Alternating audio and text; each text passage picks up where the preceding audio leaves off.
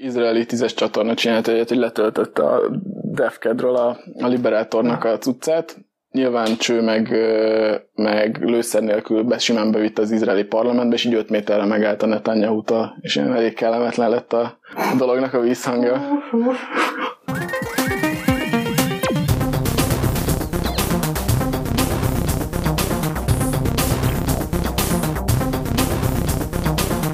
Sziasztok, ez itt a 20 perccel a jövőbe. Scully ezen a héten hiányzik. Igazoltan? Igazoltan. Igazoltan hiányzik, mert előre jelezte. Én Lővenberg Balázs vagyok. Sréjen, kivételesen Sréjen szemben ül velem Bari Marius Damage. Szevasztok. Hello. Szemben nem Sréjen, de szemben házigazda Andersen Dávid. Hello. És tőlem jobbra, nem is több balra. Különleges vendégünk, valaki kapott egy SMS-t, Seprődik is Árpád, azaz Zsuki, aki a fegyverek és mindenféle ilyen hadi dolgok szakértője. Sziasztok! Az interneten, meg az interneten kívül. Mivel itt van Zsuki, amúgy is szerettünk volna a jövő haditechnikájáról, meg fegyvereiről, meg minden egyéb ilyesmiről beszélgetni. Én már úgy ismertelek meg, hogy már akkor te voltál az interneten az az ember, aki rászólt mindenkire, aki azt mondta, hogy géppuska. Meg azt, hogy ravasz. Az első több billentyűzős, ahogy Szili Laci szoktam mondani. Szóval arra vagy kíváncsi, hogy hol siklott ki az életem véglegesen. Hát, ez még a gimnáziumban lehetett. Akkor kezdtem el érdeklődni ezek iránt, aztán ilyen pályára mentem a felsőoktatásban is, és hát így alakultak a dolgok. Volt egy rövid kitérő azért más szakmák irányába, erre-arra ilyen, hát újságírásnak nem nevezném, de most így nagyjából megint szakmai területen dolgozom. És van egy tök jó blogod, amit nem tudom, hogy még működik-e, legutóbb a Kinján működött az anyahajó blog. Igen, hát az anyahajó az most in limbo, tehát az, az most így tetsz halott állapotban van. Száraz dogban van. Száraz dogban stílszerűen. Hát annak az elődje is egy Tumblr-es történet volt, aminek volt egy ilyen kisebb követettsége, és aztán amikor elkezdtek megjelenni a, a cink aldoményén, meg a cink házatáján ezek a átlátszó és társai, akkor én ráírtam a Laci bácsira, csak úgy vicc kedvéért, hogy hát ha vevő rá, és hát több mint vevő volt rá, úgyhogy nagyjából egy héten belül elkészült a, az anyahajónak a jelenlegi iterációja, és az végül az végül egészen sokáig ment, amíg egyetemista, illetve gyakorló munkakereső voltam, utána már egy kicsit kevesebb időm volt rá. Mindenesetre érdemes olvasgatni, függetlenül attól, hogy ritkán frissül, mondjuk így, mert uh, a posztok, amik ott vannak, azok is nagyobb részben időtlenek, tehát szerintem így érdekes, meg ilyen tök jól összeszedett cikkek. Már amennyire haditechnika, ugye? Időtlen tud lenni, maradni. Én akkor egyből rá is vettem magam erre a szép feldobott labdára. Milyen hogy mondjam... Term... újság mostanában. Nem, milyen termék életciklusa van a, a haditechnikának, tehát hogy ez ugyan úgy fejlődik, mint mondjuk nem tudom, az autógyártás, vagy, a, vagy akár gyorsabban, mint a nem tudom, mobiltelefonok, számítógépek, vagy ugye, ha jól sejtem, Magyarországon még valahol ott nem tudom, 70 akár táján járhatunk. Hát így nagyjából igen, egy-két kivételtől eltekintve, hát um, se az autógyártásra, se az okostelefon fejlődésére nem hasonlít igazából. A haditechnika jellemzően hullámokban fejlődik, mindig vannak kihívások, amikre reagálni kell, és nyilván ez a klasszikus fejlődési ütem, vagy hát nem is tudom, hogy mondjam, hogy mindig van egy kihívás, arra van egy reakció, és nyilván arra is van egy reakciólásd a különböző, például az alacsony észlehetőségű repülőgépeket tudom mit mondani, ami után jelentősen próbálták fejleszteni a radar technológiákat, de végtelen ilyen e, példát lehetne mondani a páncélozott hadviseléstől elkezdve egészen a drón technológiáig. Tehát zavaró technológiák és hasonló kommunikációs technológiák is ide sorolhatóak, tehát mindig, mindig, mindig hull, hát gyakorlatilag ilyen hullám, uh, hullámszerűen fejlődik ez most éppen szerintem inkább egy ilyen gödörben vagyunk, tehát most, most nem annyira nem annyira, csak bizonyos területei fejlődnek a, a haditechnikának, de például a kézi fegyverek terén nagyon-nagyon régen volt olyan igazán számottevő fejlődés, tehát így a 60-as, 70-es évek óta nem. Az utolsó ilyen, amit mindenki ért óriási nagy fejlődés, az volt az, hogy hoppá, most már vannak atomfegyverek, mondták hogy a második világháború vége felé, és akkor jöttek ezek az idézetek, hogy a negyedik világháborút már kövekkel meg botokkal fogják vívni, és a többi. Most nem tudom, hogy hogy állunk ebben. Hát pedig a múltkori adásban ugye megemlékeztünk a... róla, hogy már elkezdték lecserélni a 8 incses flopikat az amerikai atomsilókban. Igen, de hogy, hogy most, mi a, most mi az álláspont, hogy itt most a űrtechnológia lesz, hogy vagy a robotok fogják vívni a, a következő nagy háborút, vagy egyáltalán nem lesz nagy háború, mert kis háborúk lesznek. Most úgy tűnik, mintha nem is lenne egy ilyen nagy irányzat, hogy mi lesz a háborúk jövője. Hát igen, ez a posztmodernista káosz egy kicsit elérte ezt a, szektort is, de hogy így, hát amit mondtál, ez a negyedik világháborút majd kövekkel fogják megívni, ez gyakorlatilag a második világháború utáni nukleáris verseny pánikjának a szülöttje. Aztán azért rájöttek, hogy ez az elrettentő erő, ez megvan, annak ellenére, hogy néha megrezgett a léc a háború alatt, elég csak a kubai rakétaválságra gondolni. Ugye ez az elrettentés ez a mai napig megmaradt, és megmaradt az is, hogy gyakorlatilag konvencionális fegyverekkel végják a, a háborúkat és a különböző konfliktusokat. Most itt nyilván a nukleárison kívül az egyéb tömegpusztító fegyvereket nem értve láttuk Szíriában, láttuk Kurdisztánban a példáját, hogy azért a tömegpusztító fegyverek időnként elő-elő kerülnek. Hát én azt gondolom, hogy akármennyire is elcsépelt dolog ez.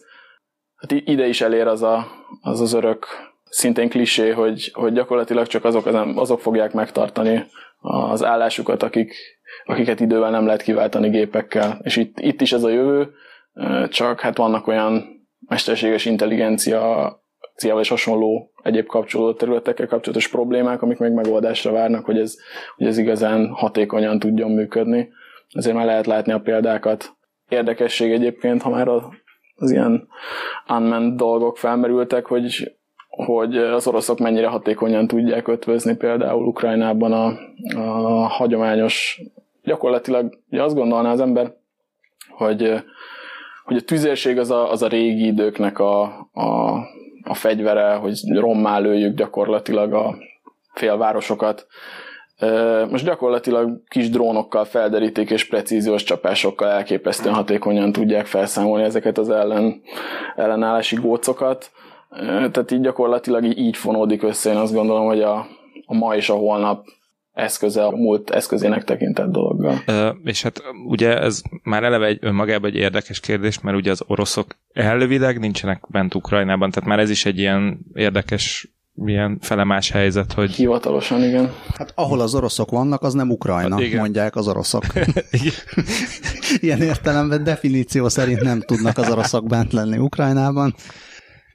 Viszont így is látni azért olyanokat, hogy ilyen bazinagy tüzérségi ütegekkel lőnek egymásra, vagy azok konkrétan precíziós csapást hajtanak végre, és tehát olyan nincs, hogy ott van egy fél kerület, és akkor azt letarolják, mert ott van ott vannak az ellenséges alakulatok, hanem azt szépen akkor bemérték előre, és akkor csak azt a két házat. Gyakorlatilag igen, ugye azért egy ilyen kisebb repülő drón egyrészt egy olcsó dolog, uh-huh. most már, másrészt olyan helyekre is be tud jutni, be tud látni, ahol mondjuk egy hagyományos tüzérségi felderítő nyilván a fizikai sajátosság, környezet fizikai sajátosság miatt nem tudna belátni, úgyhogy ezáltal precízósabbá tudott válni egy alapvetően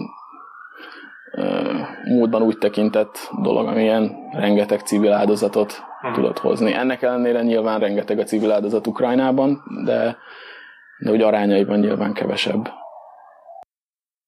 Ezeket ők maguk fejlesztik, vagy ezt veszik valahonnan? Hát egyrésztről vannak ilyen off-the-shelf megoldások is nyilván, tehát hogy ahol, ahol nem szükséges valamilyen ok miatt ilyet bevetni, oda minek fejlesztenének de nyilván vannak olyan sajátságos problémák, amiket szükséget, tehát úgy szükséges megoldani, hogy kifejlesztenek valamit gyakorlatilag, és arra a konkrét célra gondolok itt például olyan robotokra, amik valamilyen specifikus terhet szállítanak, vagy bombák hatástalanítására mm, alkalmasak. Nyilván az amerikaiak is, amerikaiaknál is elérhető ilyen, de a geopolitikai és hasonló viszonyok miatt nem mindig hozzáférhetőek ezek az oroszok számára.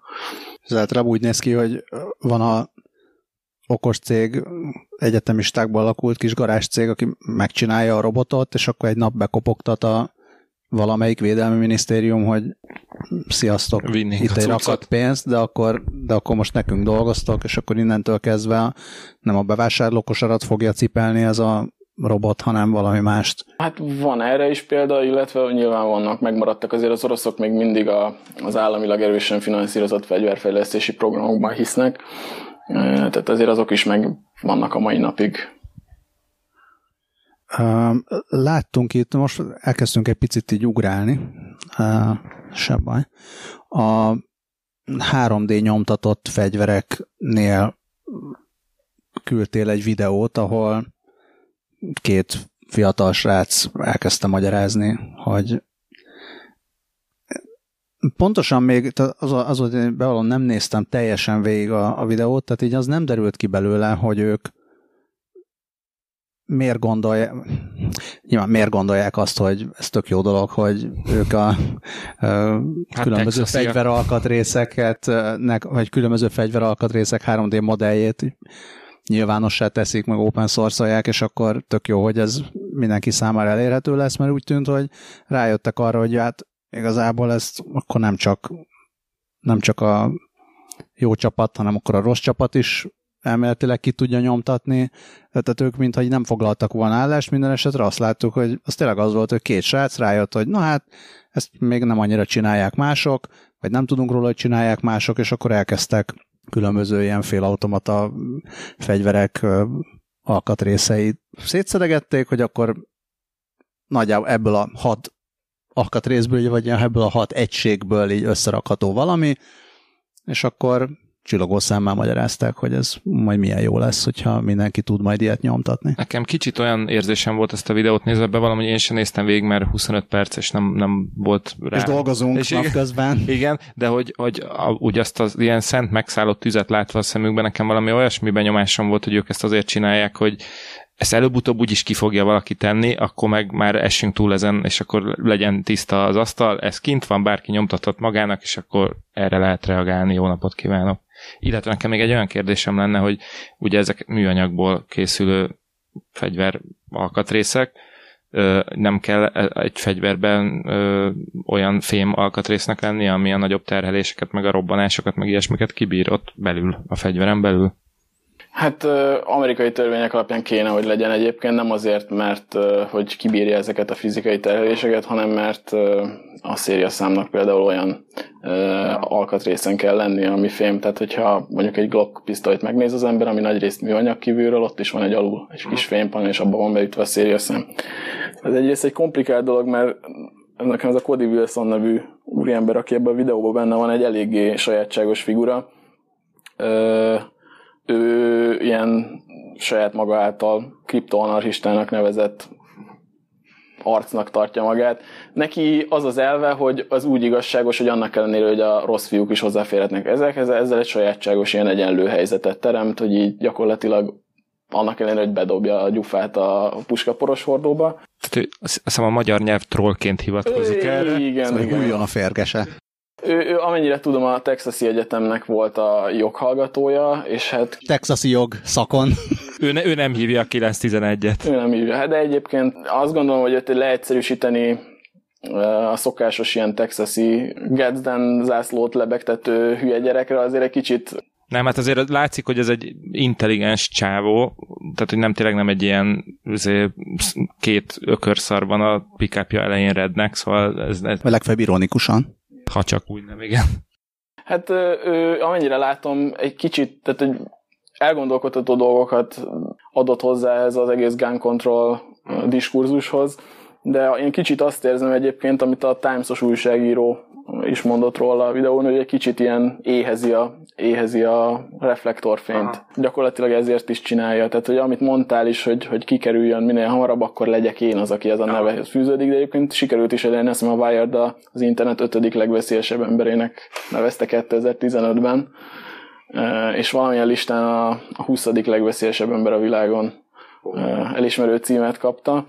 Némileg túlzónak érzem. Igen, hát a média szenzációhajász, ez egy új dolog, ugye. Visszatérve arra, Mint mondtál, ez egy érdekes kérdés, ugyanis amit láttál, kétféle ők ugye liberátorral futottak be először ezzel az egylövetű pisztolyjal, ami, ami eleinte az első lövéstől összetört, annak ellenére, hogy elhagyta a csövet a lövedék, aztán később tökéletesítették, illetve a másik, ami, ami gyakran előkerül, az a, az amerikai média jelenlegi első számú céltáblája az AR-15-ös igen moduláris gépkarabé, illetve félautomata karabé, aminek az a különlegessége az amerikai jogrendszerben, illetve nem csak ez, hanem az összes ilyen fegyvernek, hogy gyakorlatilag csak az elsütő szerkezetet tartalmazó tokalsó része, azaz a lower receiver, amit bármilyen szabályozás fed gyakorlatilag. Tehát az összes többi részét, a csövet, a gázdugattyút, az árszerkezetet, mindent, az gyakorlatilag le lehet emelni bárhonnan a polcról, meg lehet rendelni az internetről. Most a Magyarországon a cső is fődarabnak számít például, az árszerkezet is fődarabnak Tehát számít. Itt, itt nem lehetne ilyet itt nem csak lehetne úgy rendelni. megcsinálni. Mhm.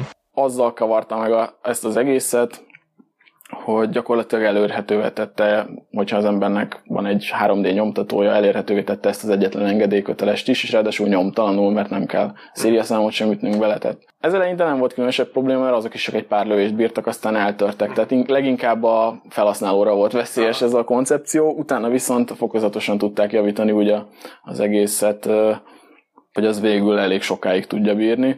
Én azt gondolom, hogy a CNC marók világában eddig sem volt egy különösebben nehéz dolog ezt előállítani. Egyébként volt is egy hasonló botrány ott, ezeket az úgynevezett 80, 80% receivereket árult egy amerikai cég gyakorlatilag ki volt öntve formára ez a receiver darab, és egy CNC-nek fegyver IKEA kicsit ott otthon össze kell szerelni. Nagyjából erről van szó. Tehát azért egy kicsit túl van lihegve ez a 3D nyomtatott botrány. Nyilván kiki maga dönts el, hogy hol áll a kriptonarchisták pártján, vagy a rendpártiak pártján. Én nem tartom annyira jó dolognak, és nem azért, amiért a legtöbb ember, hanem mert veszélyes. Tehát nem véletlenül fényből vannak ezek az Egyébként jo- jogi szempontból ez nem csutka illegális? Tehát ami, ezek a fegyverek, amivel ezek a fiúk rohangálnak, amit ott így nyomtatnak, nincs rajta széria szám, nincs regisztrálva semmi. Ezt egy rendőr jönne és megkérdezni, jó napot kívánok, azt engedély van-e? Jelenlegi amerikai szabályzás szerint addig nem illegális az ilyeneknek az előállítása, amíg az ember saját maga használja. Amennyiben ezt eladásra vagy, vagy hasonló ö, átadásra szeretné felhasználni, abban a pillanatban egy ilyen Federal Firearms License szükséges, amit ugye a Cody Wilson közben meg is kapott. Nem egy különösebben komplikált dolog, tehát nyilván ennek is büntetlen előélet és hasonlók az előfeltételei, de hát nem különösebben nehéz ez hozzájutni. De ez, ez ameddig csak ők használják, addig nem minősült annak. Ugye ez egy, akkoriban, amikor ez a videó készült, azért ez azt hiszem két-három éves, ez egy gyakorlatilag egy ilyen jogi szürke folt volt, hogy nem, gyakorlatilag nem a magát az alkatrészt, engedélyköteles alkatrészt adta tovább, hanem az ahhoz szükséges dolgokat, hogy te ezt otthon előállíts. Tehát ezt gyakorlatilag akkor még nem szabályozta. Jelenlegi tudomásom szerint most már, most már van, van valamilyen szabályozás rá, de csak állami szintű. A legjobb tudomásom szerint szövetségét azt még nem sikerült átnyomni a kongresszuson.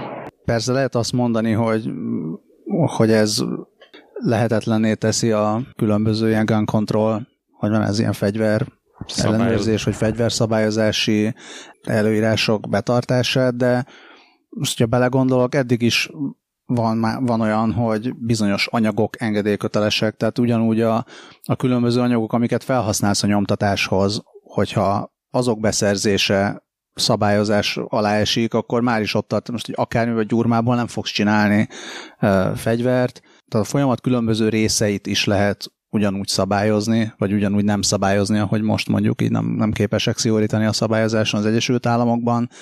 De ez inkább csak, inkább csak így módosítja a körülményeket, nem, nem teszi lehetetlenné azt, hogy lehessen követni egy fegyvert attól, különösen akkor, hogyha mondjuk nem kézzel rajzolod meg a 3D modellt, hanem elektronikus úton szerzed be, akkor megint csak lehet követni az útját, hogy ez, ez hol van. A 3D nyomtatónak lehet követni az útját, hogy az hol van, hogyha nagyon akarja az ember, vagy a kormányzat, vagy a szabályozó szervezet. Azt hiszem, hogy pont tavaly, vagy tavaly előtt volt egy ilyen óriási botrány, hogy azt a nagy ötletet találták ki, hogy adjanak el amerikai fegyvereket mexikói kárteleknek, hogy majd jól kövessék azoknak a helyzetét, és akkor így csapjanak le rájuk, és miután a szállítmány elment, akkor kiderült, hogy nem volt benne semmiféle nyomkövetés. Ezt még kifelejtették belőle, igen, ez a, az ETF-nek egy hatalmas nagy pofára esése volt. Ezt a mai napig szeretik előszedni a fegyverpárti republikánusok, mint ilyen... Azt hittem, te raktad bele. És most, hogy a ló bement, most mi majd jól kiszállunk belőle. A zárójeles kérdésem viszont lenne egyébként, hogy azt mondtad, hogy most már egy jobb, jobb minőségű 3D nyomtatott fegyvereket lehet csinálni. Ezek a jobb minőségűek most, ezek hány lövést bírnak egyébként a régiekhez képest? Hát itt most már százas ezres nagyságrendről beszélünk. Uh, például az AR, annél az AR lower receivernél, és nyilván az egylövetű is most már többet bír, tehát az egylövetű nyilván nem arról szólt, egy lövés után felrobban, de egyébként, ha jól emlékszem, amikor kijött a nagy botrány hevében valamelyik tévécsatorna megcsinált egy ilyen liberátort, és az, az azonnal az első lövésnél szétment. Visszatérve arra, hogy szabályozni azokat az anyagokat, ugye legyen kokomlistás a, a jobb polimer, igazából, hogyha még az olyan polimereket engedélykötelessé teszed, azzal egyrészt akadályozod egy csomó egyéb nagy szilárdságú polimert igénylő dolognak a fejlődését, másrészt akkor meg meg fogják csinálni rossz minőségű polimerből. Jó, ilyenkor nyilván a, az fog meghalni, vagy az fog megsérülni, aki hülye volt, és aki valamilyen törvényellenes dolgot elkövetett, csak hát itt is azért érdemes meghúzni a határt, én azt gondolom. Tiltsák be a fegyvereket. Mi, mi a véleményed erről? Tiltsák be az internetet. Tiltsák be a haditechnikát. Teljesen elmentünk 3D nyomtatás irányba nem az történt, amire számítottam. Drónokkal kapcsolatban, hogyha beszéltünk, én meg akartam azt kérdezni, hogy volt egy előadásom Ghost in the shell kapcsolatban, és ott néztem utána, hogy, hogy drónták meg ilyesmik, hogy működnek, és én találtam egy Ethical Framework nevű rendszert, arról nem tudom, hogy te mit, mit tudsz, vagy mit hallottál róla, ami pont, pont a, az automatizált drónoknak a működésével kapcsolatos, hogyha beküldesz egy légtérbe ellenséges területre valamilyen drónt, akkor hogyan méri fel azt, hogy hogy kit lehet lelőni, és kit nem, és mi a, mi a pusztítható célpont, és mi, mi az elkerülendő. Őszinte leszek róla, nekem ez így kimaradt. Akkor mesélj. Légy szíves. Ne, ne, ne, ne, ne, ne, érdekes módon ez ilyen nagyon kriptikus, obskurus, ismeretlen szavakat mondok. Utalásokból lehetett találni egy olyat, hogy van egy, van egy ilyen framework, és ezen dolgoznak, hogy, hogy a lehető legbiztosabban lehessen beküldeni a drónokat. De hogy, ezt a gép, hogy a gép hogy... megmondaná, hogy igen, ő hogy... úgy mozog, mint egy barát, ő meg olyan ellenségnek tűnik, hogy Pic, picinek tűnik, akkor gyerek, tűnik, akkor nem lövöm meg, magasnak tűnik, és van, nála, van, van nála valami, ami kilóg belőle, igen, Kis akkor az valószínűleg... katonák előnyben, akkor... Rá, rákmászás, pókmászás. Igen, és magas antenna, magas antenna szerelők kiméljenek. Mennyire gyűlöltük egyébként általánosban is, hogy ugye mennyire meg volt a maga értelme? Egyébként, ha már a drónokra visszaugrottunk, nekem az a kérdésem, vagy szóval most ezen elgondolkodtam az előbb, hogy és nem akarok a világért se ötleteket adni senkinek, de most tényleg az van, hogy mondjuk bemegyek az X kütyüboltba, és veszek 150 ezer forintért egy tök jó drónt, amivel már viszonylag sok mindent tudok csinálni. Hogy lehet az, hogy, hogy ennyi idő alatt nem láttunk még olyan terrorcselekményt, amire mondjuk drónt használtak volna? Vagy tehát, hogy mondjuk arra gondolok, hogy fognak egy ilyen drónt, ráraknak egy adag, nem tudom, robbanóanyagot, most azt majd te megmondod nekem, hogy miért vagyok hülye, mert azt nem lehet beszerezni, vagy be lehet szerezni, és belevezetik mondjuk egy izé, foci, foci meccs közönségébe adott esetben, egy pályaudvarba, hogy ez, ez vajon, hogy, hogy hathattak ki eddig egy ekkora zicsert? És hogyha ez jövő héten megtörténik, akkor én kérek elnézést Megkereshető rádiusz van, nem? Egyébként. Tehát, hogy onnantól kezdve beküldesz egy drónt, onnantól kezdve azért van egy hatótáv, amin belül azt a drónt beküldték, tehát hogy lehet tudni, hogy kb. milyen területen belül kell keresni embert, meg, trészelhet, meg trészelhető a jel. Igen, vagy ennél sokkal hatékonyabb, akkor egy lelkes izé, radikálisan ráakasztani egy övet bemegy pont oda, ahova kell, és nincs gond azzal, hogy kijöjjön. Most kicsit, kicsit cinikus leszek, de, de nagyon radikális muszlim fiatal emberekből nincsen hiány, és hát... És olcsóbb, mint és egy olcsóbb, drón. mint egy drón. Egy nagy teherbírású drón. De egyébként nem kizárt, tehát mondom, az elvi akadály az nincsen meg. Lehet, hogy te adtad most nekik az ötletet. Yeah. Te elkismerted elszárad.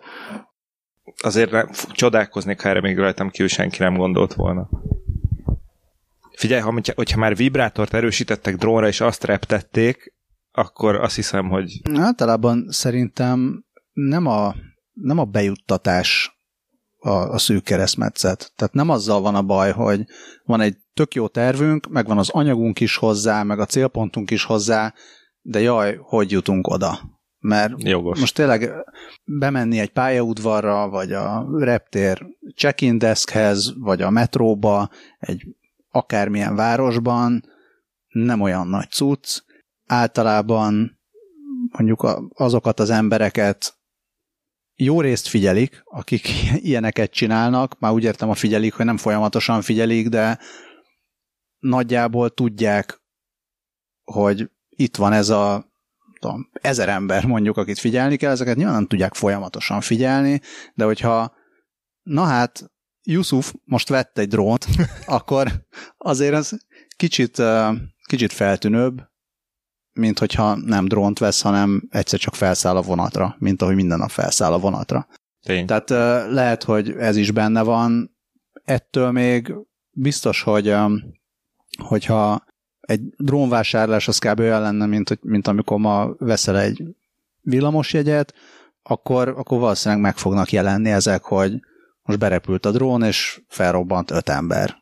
Egyébként arra visszatérve, hogy miért nem ezeket használják, mert alapvetően ilyen terrortámadásoknál nagyon sok hónap tervezése menne a levesbe, hogyha bonyolítanánk a dolgot. Minél több műszaki dolog, annál több változó, annál több hiba lehetőség. Tehát gondolom nem akarják a hatékonyságot egy Lemerülő elemre bízni. Igen, például.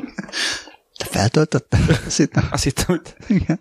Okos fegyverekkel is ez az elsődleges gond, hogy egy elektronikus dolog soha nem lesz százszerzalékos megbízhatóság. Na, akkor viszont szerintem ezzel a lendülettel lendüljünk át a félautomata gépkarabélyokról az XM25-ös nevű csodára, ami már önmagában úgy néz ki, mint, mintha a legújabb sci nem tudom, mint a Függetlenség napja kettőnek a plakátjáról szökött volna. Szuper futurisztikus fegyver, és hát, ha jól sejtem, akkor egy nem annyira jó megoldás. Mesélsz nekünk erről egy kicsit? Nincsen vele komolyabb gond, csak megint azzal szaporítják, vagy olyan dologgal szaporítják a, az ilyen fegyverek, illetve eszközök sorát, ahol baromi drága dolgokkal aprítunk baromi olcsó, vagy kísértőkű dolgokat. És nem feltétlenül az ember életre gondolok. De elmondod a, nekünk is, meg a hallgatóknak is, hogy ez a fegyver, ez mi, micsoda, meg mit tud egyáltalán, mert uh, azt gondolom, hogy Az XM25-ös az egy, vagy az X is mutatja, ez egy kísérleti ö, fegyver, egészen pontosan egy 25 mm-es gránátvető.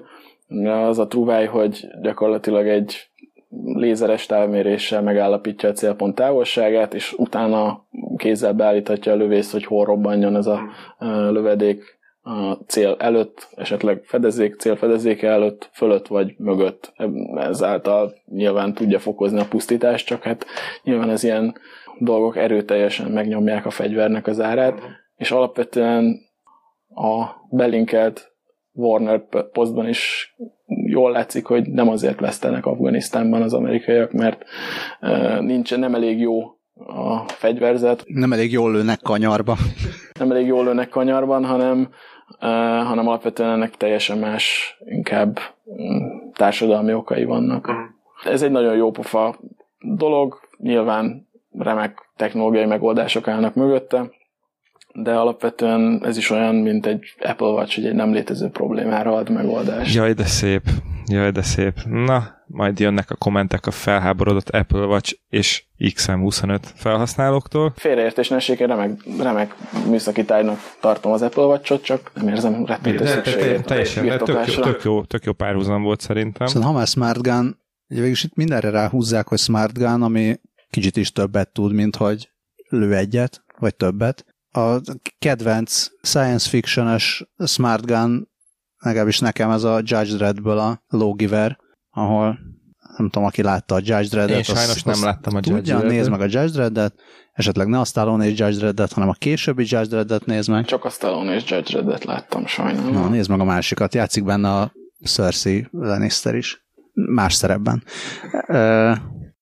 A Game of thrones nekem nem nagyon lehet eladni Gyakorlatilag dolgokat, de a karakter, csak máshogy hívják. Mindegy, szóval hogy megmondod a, megmondod a fegyvernek, hogy miért lőjön, és akkor olyat lő, meg felismeri, hogyha nem megfelelő ember vette fel, és akkor, és akkor nem lő, vagy máshova lő. Ilyen azt hiszem, hogy nincsen. Bár, ha jól látom, akkor Még új van egy ilyen kezdeményezés. nincs egyébként. de van. Ez a két vonal, ami most nagyon megy, az egyik az ilyen RFID és hasonló technológiákon alapuló azonosítás, az szerintem a működőképesebb, abból a szempontból, hogy az talán kicsit hülye és hibabiztosabb, és van a másik vonal az új lenyomatos. Na most akinek volt már új lenyomattal oltató telefonja, az tudja, hogy hogy, hogy az új lenyomat nem oldja a telefont, az egy ennyi kellemetlenség, viszont hogyha emiatt kap három golyót a melkasába, akkor azért az nem kifejezetten kellemes dolog. De akkor a passcode is be lehet nyomni. Igen, igen, egyébként van, van, van PIN kódos smart, smart gun is, az, a, az szerintem az a, az a legalja a dolgoknak.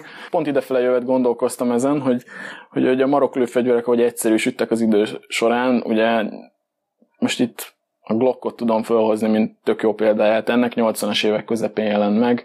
Az ember megnézi, gyakorlatilag egy baromi egyszerű kis tégla alakú dolognak látszik így kívülről, külső biztosító nincs rajta, nem, nincs is rá szükség.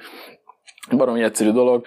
Ugye azzal forradalmasította a maroklő fegyverek piacát, hogy egyrésztről olyan elsütő szerkezete volt, hogy amíg az ember nem nyúl hozzá az elsütőhöz, az nem fog elsülni, tehát lehet dobálni, lehet rugdosni, lehet átmenni rajta teherautóval, másrésztről pedig ugye műanyag volt. Most a biztosítónak a hiányát azt itthon a rendőrségnél egy kicsit aggodalommal fogadták, odakint megünnepelték, mert egy önvédelmi helyzetben, vagy egy intézkedési szituációban nem egy kellemes dolog, amikor még uh, ugye stresszes helyzetben a finom motoros készségeknek az eltűnésével, még ott babráljon az ember a biztosítóval.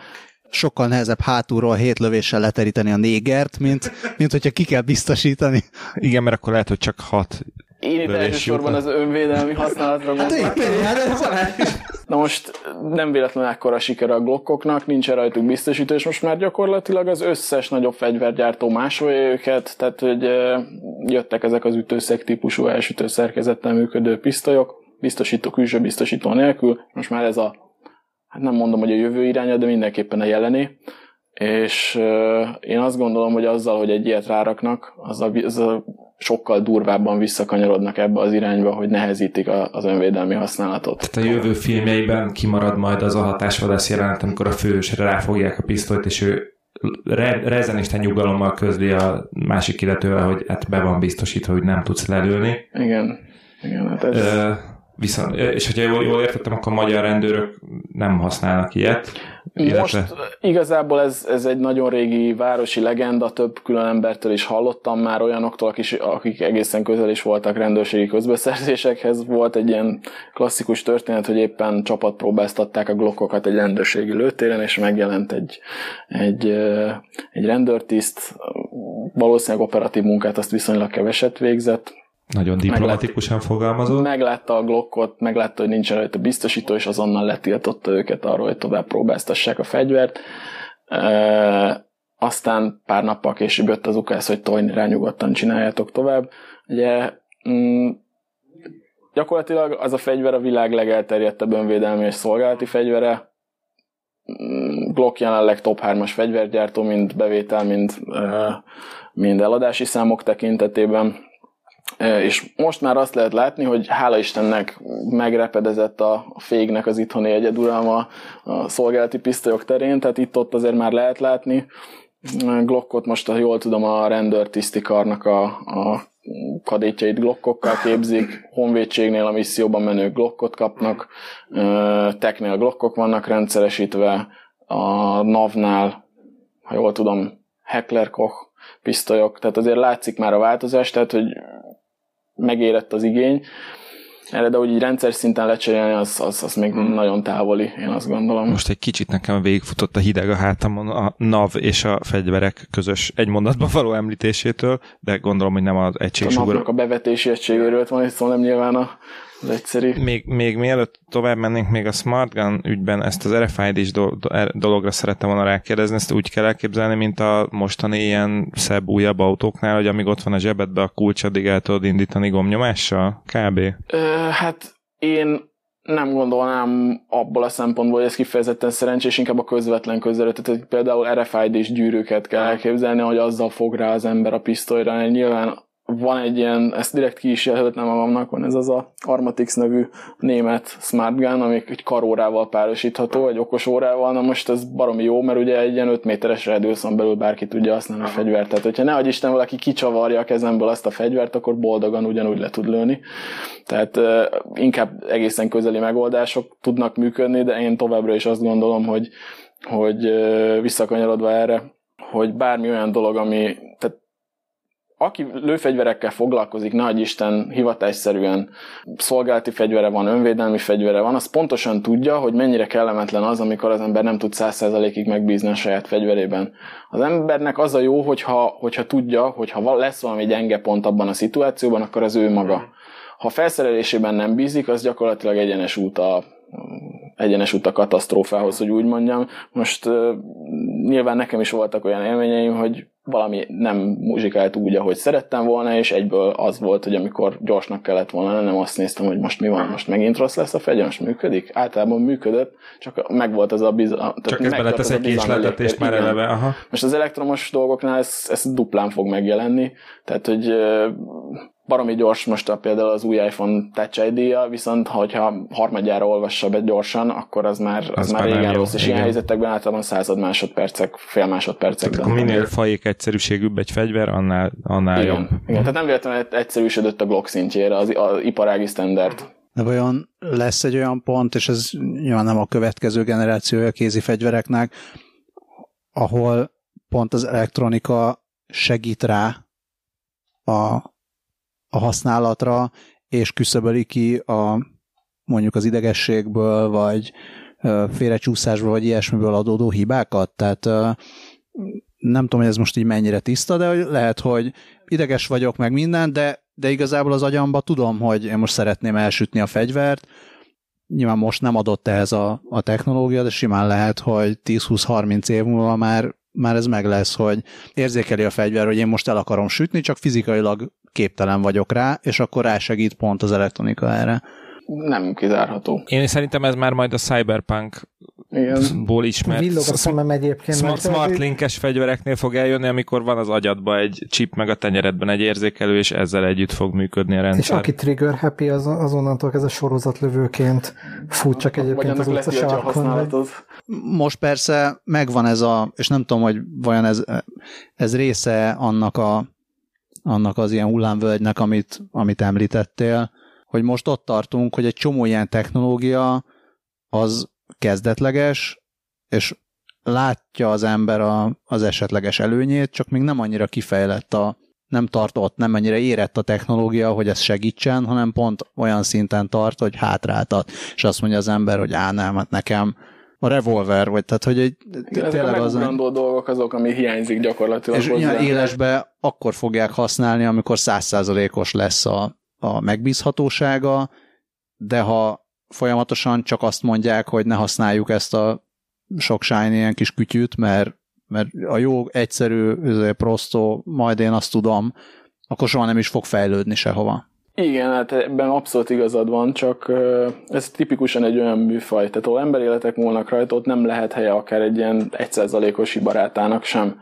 Most itt, amit mondtál, hogy, vagy én, amire utaltál, amit mondtam, hogy hullámvölgy, ez gyakorlatilag úgy értendő, hogy magában a fegyvereknek a, a működési elvében meg hasonló ilyen alapvető dolgokban nem, nem állt be változás. Voltak rá próbálkozások a 70-es, 80-as évek környékén, de hogy így alapvetően most már nem magát a fegyvert fejlesztjük, hanem ezeket a, az, azokat körülvelő perifériákat. Az irányzó berendezéseket, a mindenféle teljesítményjavító berendezéseket, azokat, amik csökkentik a visszarugást, amik növelik a tárkapacitást. Tehát, hogy nem maga, a, maga az alapfegyver, abból a szempontból ö, értem, hogy most egy ilyen fejlődési hullámvölgyben vagyunk, Igazából visszautalva erre, a 70-es évek végén, 80-as évek környékén volt egy, egy ilyen hüvely nélküli lőszer kifejlesztésére irányuló program a németeknél, de aztán az végül elúszott a nagy egyesülés keretében. Az, le, az lehetett volna egy ilyen következő,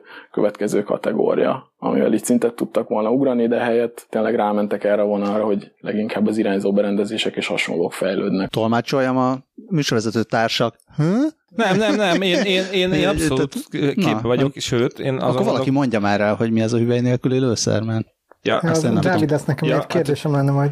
A, figyelj, most lehet, hogy hülyeséget fogok mondani, de akkor majd Zsuki kijavít, a hülyei nélkül lőszer lényege, jól sejtem, akkor az, hogy, e, e, hogy kimaradjon a lövésből az ürítési fázis, és ezzel pontosan, is gyorsabban lehessen pontosan. tüzelni.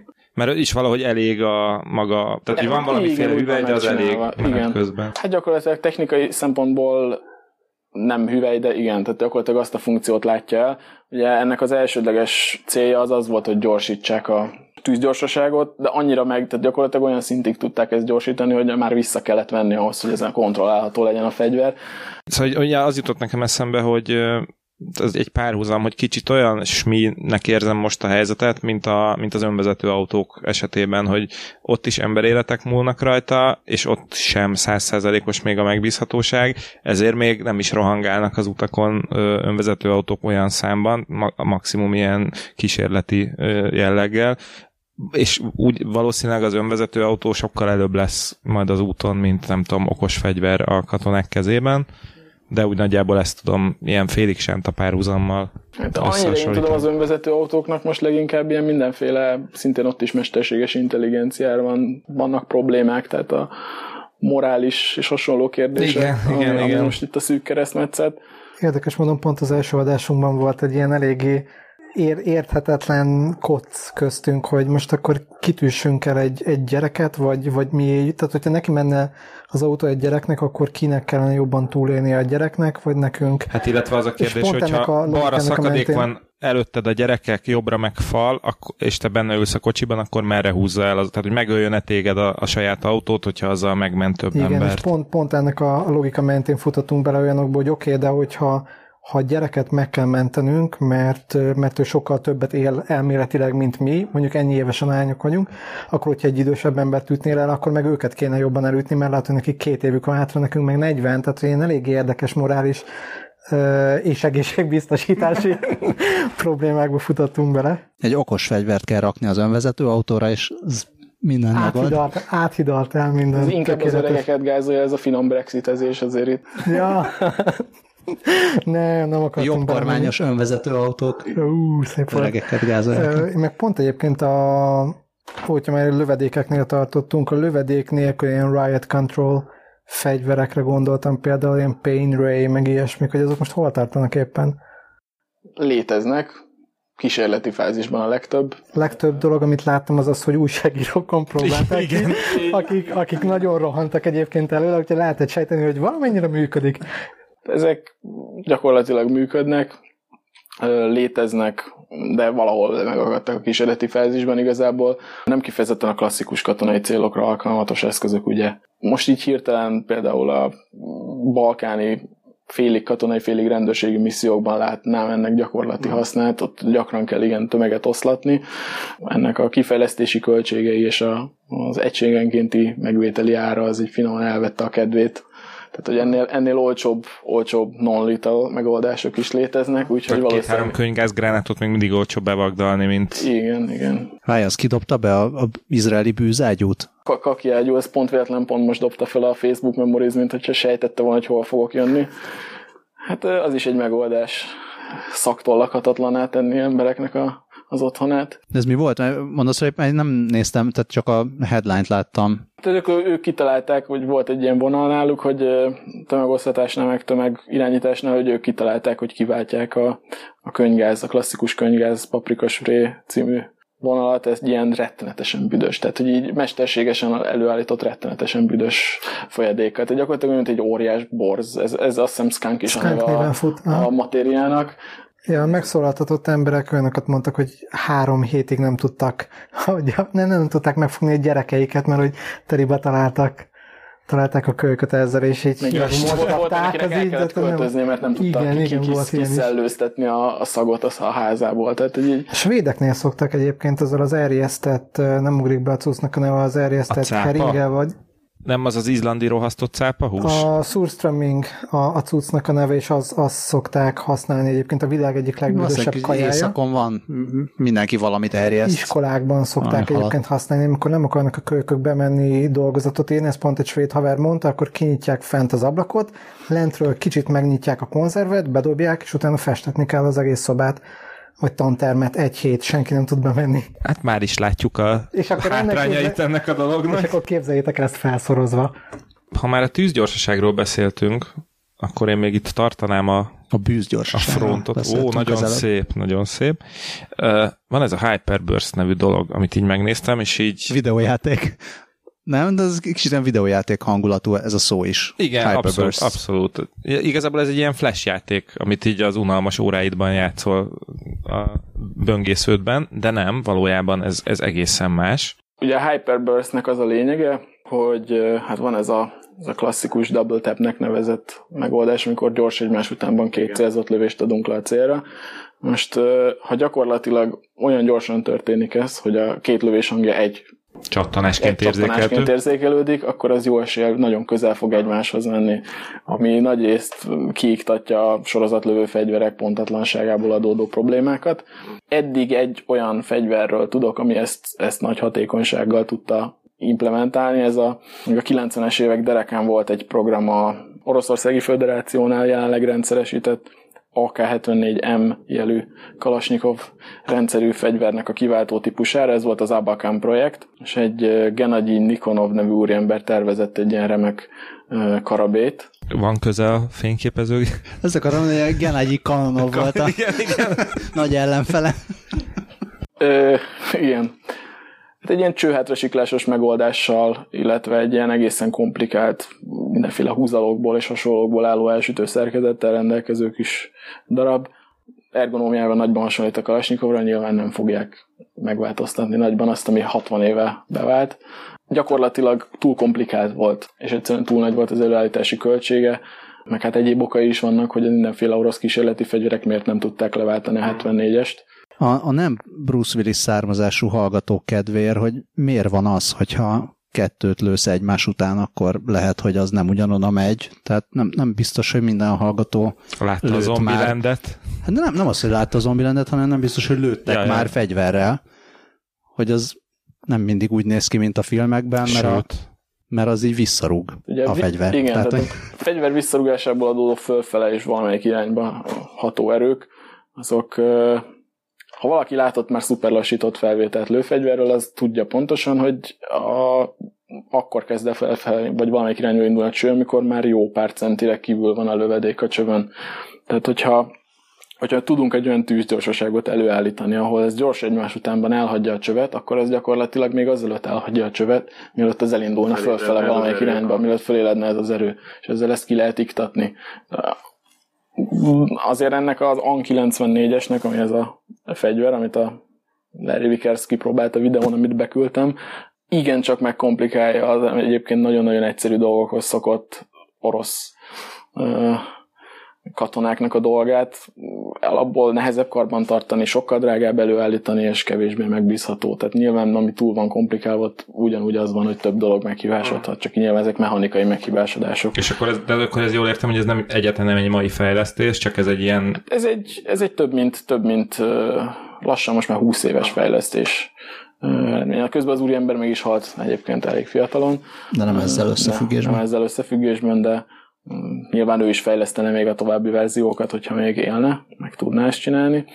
Ö, gyakorlatilag ez a Hyperburst azóta időről időre előkerül nyugati körökben is, csak az, abból az elhibázott feltételezésből kiindul, hogy ezt már létező fegyverekbe is lehetne implementálni. Tehát ez a 94-est azt nem véletlenül az AK-ra fejlesztették ki, hanem egy teljesen from scratch csinálták meg ezt az egészet, ugyanis olyan műszaki megoldások szükségesek, amiatt annyira kéne módosítani egy ilyen fegyvert, hogy akkor már megéri inkább a teljesen az, e, az alapokról föl építeni ezt az egész koncepciót. De időről időre előkerül, és egyébként ez kifejezetten érdekes ennél az AN 94-esnél is, hogy az első lövés, első két lövés az, az a Hyperburst, és az összes többinél visszagyorsul egy ilyen hagyományosnál valamivel gyorsabb tűzgyorsaságra, most így egy átlagos gépkarabé tűzgyorsasága az 5-600-700 lövés per perc.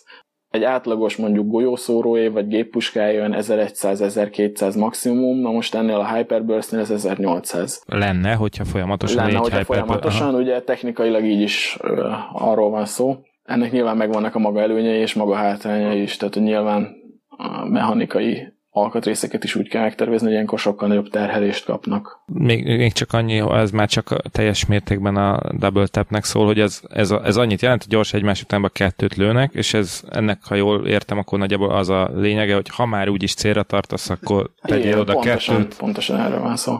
Engem a lézerek érdekelnének, de borzasztóan.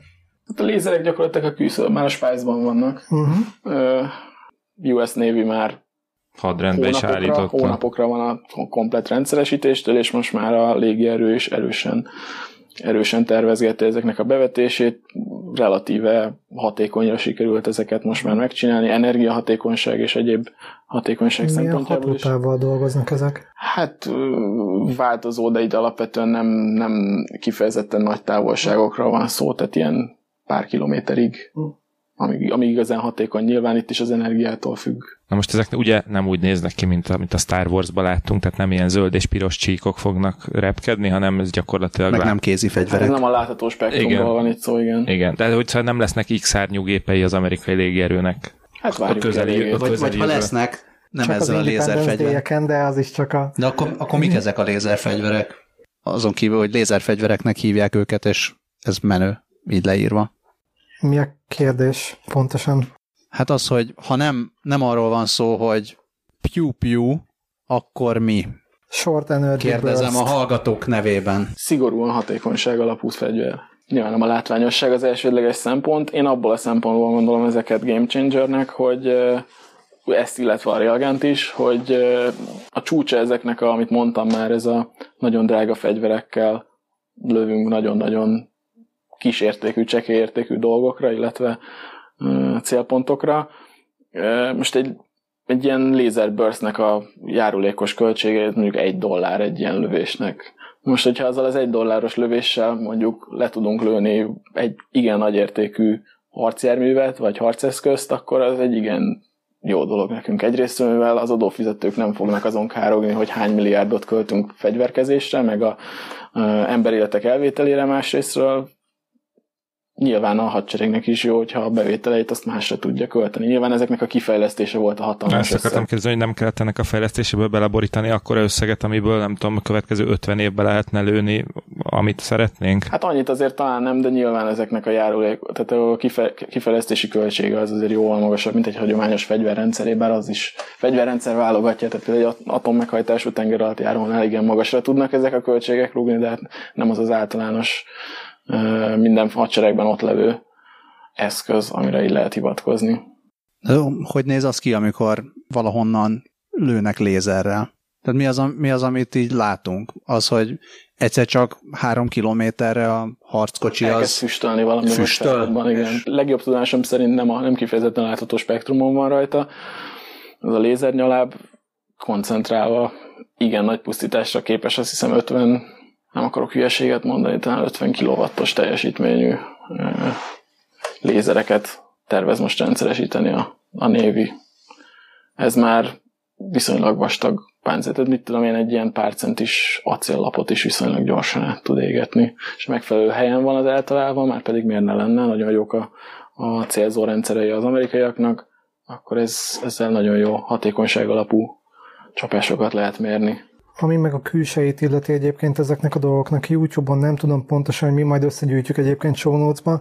Van egy csávó, aki, aki ilyen DIY lézerfegyvereket szerelget otthon, és próbálja ki, és attól függetlenül, most attól függetlenül, hogy ez most mennyire, mennyire valid egyébként az emberélet kivatása, vagy, vagy semlegesítése szempontjából, vagy mennyire nem, a, a fegyver elsütése és a hatás az pontosan látszódik, hogy hogyan néz ki, hogy nincsen lézersugár, meg nincsen semmi, és onnantól kezdve, hogy azt elsütötted a, a hogy hívják ott, az elsütő berendezést, eh, onnantól kezdve füstölés van, meg, meg, eh, meg pukkanás például, hogyha egy légömbre irányítod rá, akkor az ilyen azonnali. Meg is, hogyha látható spektrum, akkor se látod, tehát oldalról akkor se látod a lézert, mert pont az a lényege, hogy ne jöjjön oldalra a fény, hanem maradjon Kivéve, egyenesben. füst van a diszkóban. Vannak itt még railgunok a kovászban. A, a kovász, az A kovász. csodál, a kovász az ne- nem, győz, nem győzök csodálkozni, vagy örülni neki. A railgun az azt tudja, hogy nagyon gyorsan lövi ki a Hát gyakorlatilag valamit, nem? elektromágneses elven gyorsított mindenféle ilyen explozív propellant nélküli dolog. A Railgun az egy bazi nagy böllér pisztoly. Gyakorlatilag igen. Nagyon leegyszerűsítve a dolgot, igen. Nagy disznókat lehet vele lőni. És akkor a Railgunnak az a nagy előnye, hogy nem kell hozzá lőszer, tehát hogy áll, mármint, hogy szóval, klasszikus értelemben nem a lőporos megoldás sem működik, viszont extrém gyorsra fel lehet ezeket. Tehát ilyen, azt hiszem a mindenféle lőpor alapú lövedékeknek a legnagyobb sebessége az ilyen egy-két kilométer per szekundumra tud felgyorsulni, ennél olyan három-négyre is simán fel lehet gyorsítani, és sima kinetikus energiával tudja pusztítani a, a célpontokat, tehát nincs szükség semmilyen robbanóanyag töltetre. És ez hol tart ez a technológia? Hát legjobb tudomásom szerint harckész, rendszeresítésre vár szintén. Mert csak várják, hogy hol lehetne harcolni. Igen, igen. Hát háborúban nincs ilyen sajnos. De hogy vajon mennyire szomorúak a különböző hadseregek, hogy ritka az, hogy más hadseregek ellen kell harcolni? Tehát, hogy az, Bizonyára. hogy az olyan béna, nem? Hogy, hogy a, most így lövögetni a Gyakorló tíz, tíz burnuszos szerencsétlent railgunnal az olyan béna, hogy így hol vannak a nagy hadseregek, amik ellen és egy fehér Toyota pikápos. El, el kell keserítselek, a hagyományos hadseregek közötti összecsapással egyre kisebb az esély, hogy halad az idő, most már inkább az aszimmetrikus hadviselés lesz Én, én nem bánom. innentől. Nyilván. Csak mondjuk, hogy- Disclaimer. Igen. Elhatár... Ö, Disclaimer. A 20 percre jövő podcast elhatárolódik a fegyveres konfliktusoktól. Igen, pontosan. Ö, Hát ö, igen, tehát gyakorlatilag ilyenre már nem nagyon lesz példa. Én nem gondolnám, hogy minden hadseregnél mindenki Lee Harvey Oswald, és nagyon-nagyon vérszomjas, és szeretne, szeretne vért ontani. Ez is olyan, mint a önvédelmi fegyver. Azért van, hogy ne kelljen használni alapvetően. A hadseregek is ezt a célt szolgálják, és nem gondolnám, hogy mindenki telesírja a párnáját, hogy hoppá, nem kell mennem PTSD-ért, PTSD-ért cserébe embert ölni valamilyen harmadik világbeli koszfészekbe. Szerintem örülnek, a gyakorlatokon ők ezeket tudják használni, ezeket a rendszeresített fegyvereket nem gondolom, hogy annyira rettenesen viszketnének attól, hogy ezt élő emberen is kipróbálják, aki meg igen, annál meg alapvetően baj van. Tehát én, annak ellenére, hogy aki katona, katonának megy, azt nem mindig az ölés hajtja inkább a Én most nem is a katonákról beszélek, hanem azokról, akik ezeket fejlesztik. Hát nyilván. Nyilván, de a rendszeresítéssel ugye már eladta. Tehát, hogy maximum a mindenféle lőszer és az egyéb fogyóeszközöknek az eladása vezérelheti. A lézernél nem annyira van meg, tehát ott energia van.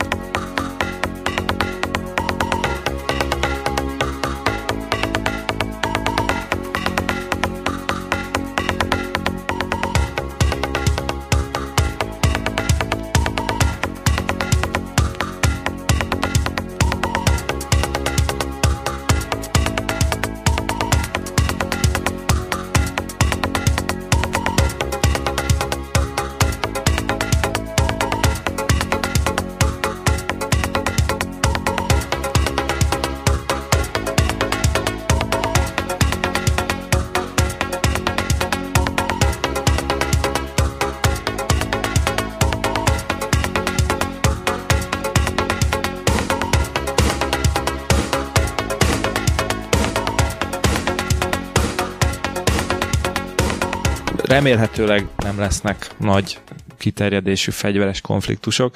Mi a helyzet a katonákkal, akik oda mennek? Most én egész konkrétan arra gondolok, hogy a, a fegyvereknél is mondtad, hogy inkább a, a perifériákat fejlesztik, a célzó berendezéseket, tárat, stb.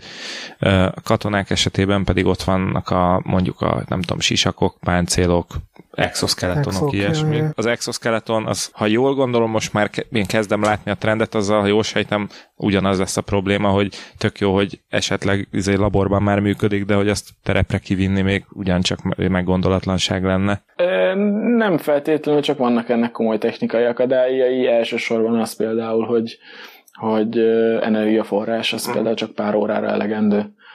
Ami nem kifejezetten szerencsés, mert hogyha mondjuk cipelni kell keresztül valami, valami embertelen terepen a nem tudom, 120 kg menetfelszerelés, és akkor merül le az exo, akkor hát beütött a córesz. Én kurblival. Igen. Napelem. Napelem, szélenergia, Tehát itt, itt is vannak, itt is technikai akadályok vannak a, a, tehát a harci hatékonyság.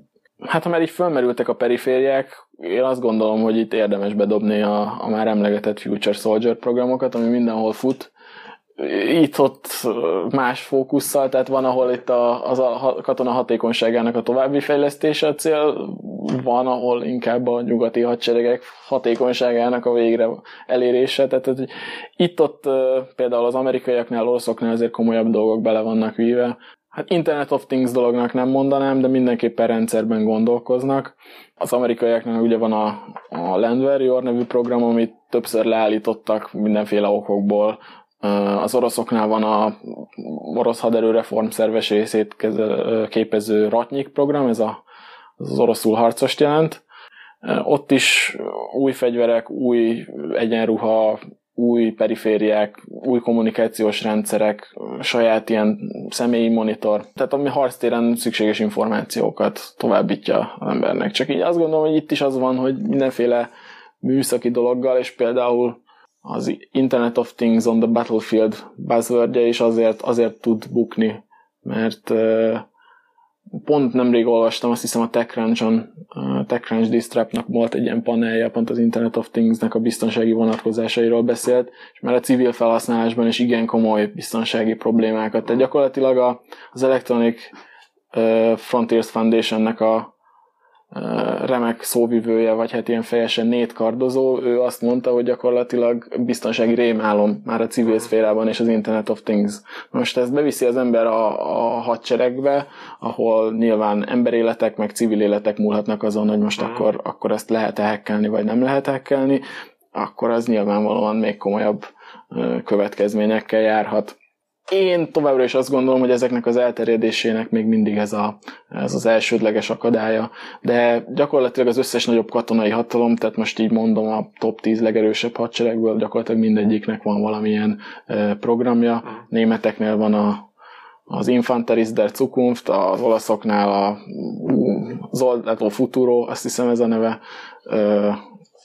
indiaiaknak is van együttes nevek és album címek tökéletes I- gyűjteménye. Ez nagyon figyelj, a norvégoknál Normans, franciáknál Felin, Felin, igen. Felin, nem tudom, valaki franciás az mondja. Fantassen à équipement et liaison en intégré. Intégré. A briteknél FIST.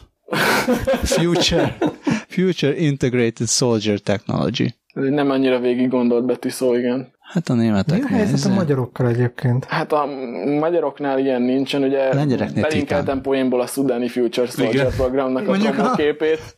A svájciak nem tudom mire gondoltak, ők az IMS.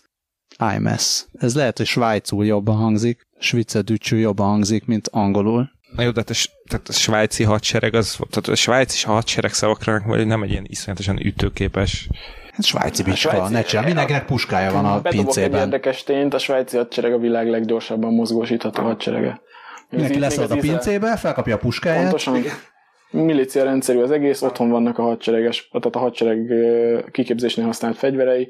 Gyakorlatilag csak a, hát az izraeliek akik szorosan mögöttük le vannak maradva, ott egy hagyományos mozgósításos rendszert fejlesztettek tökére gyakorlatilag. A svájci hadseregről az a néhány évvel ezelőtti sztori van meg, amikor egy hadgyakorlaton véletlenül azon kapták magukat, hogy hopp, bementünk Liechtensteinbe, és akkor gyorsan hazaszaladtak.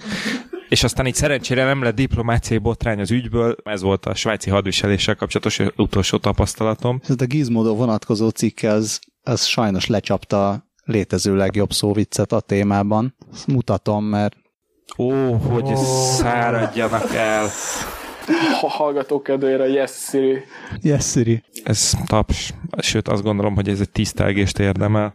Uh, Future Soldier. Hát Nekem az... hogy Magyarországon, Magyarországon bocsánat, hogy semmi nincs most. Magyarországon van nagyon baby cipőben járó fejlesztési terv, de semmi rendszer szintű dolog. Tehát, hogy volt a pár éve nagyon kínos az interneten, meg a amerikai fegyveres fórumokon csak karácsonyfa néven körbefutott blama, amikor fogták, és az valakinek, valamelyik nagyon okos honvédelmi minisztériumi felelősnek kipattant az agyából, hogy akkor a nem is tudom hány évtizede használt AK-63-asokat kéne rend, ö, fejleszteni, ahelyett, hogy egy újabb darabot rendszeresítenénk, és ebből lett ennek végeredmény lett az AK-63 MF, ez a, ez a modernizált az M, a, egy ilyen nagyon-nagyon pödört bajszú Atya ezredes. Isten. Rákerestél? Rá. Hát gyakorlatilag amit rá lehet aggatni, azt ráaggattak. Mint a bucsúban. Ez a Christmas Tree volt a új neve az ar15.com-on.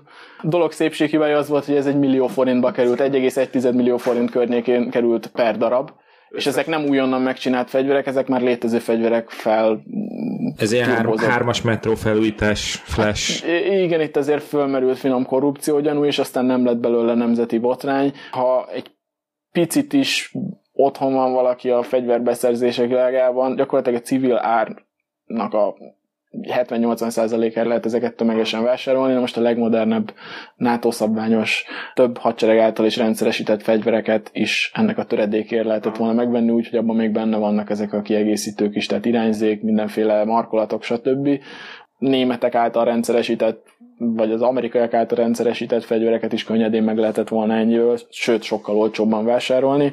Igazából így 17 évvel a NATO csatlakozás után már nem olyan, elvárás, nem olyan nagy elvárás, hogy talán ne az orosz technikát nyomassuk még mindig, hanem valami újat rendszeresítsünk, de ez végül is így elbukott. Ráadásul pár lövés után szét is esett. Ez kicsit olyan, mint a kék sor, meg a plüsdobó kocka a Suzuki-ra, nem? Tehát, hogy így ráugatunk ezt, azt, azt. Igen, meg az akciós műkönnyű felni.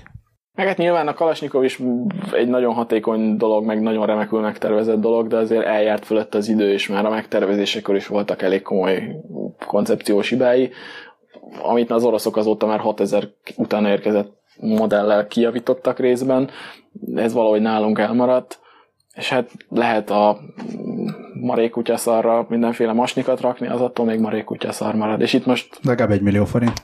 Legalább egy millió forint, igen. Ez az egyik, a másik pedig ugye a jelenlegi kirakat, hát ilyen poszterboly a Magyar Honvédségnek, ez az első MH első műveleti ezred, a különleges műveleti ezred, ezt most egyesítették gyakorlatilag a két szónaki alakulatát a Honvédségnek, a, a 88-as könnyűvegyes zászlóajt, meg a, a Bercsényi László különleges műveleti zászlóajt, most csináltak egy ilyen hatalmas ezred szintű képességet, nagyon jó kiképzésük van, nagyon jó felszerelésük van.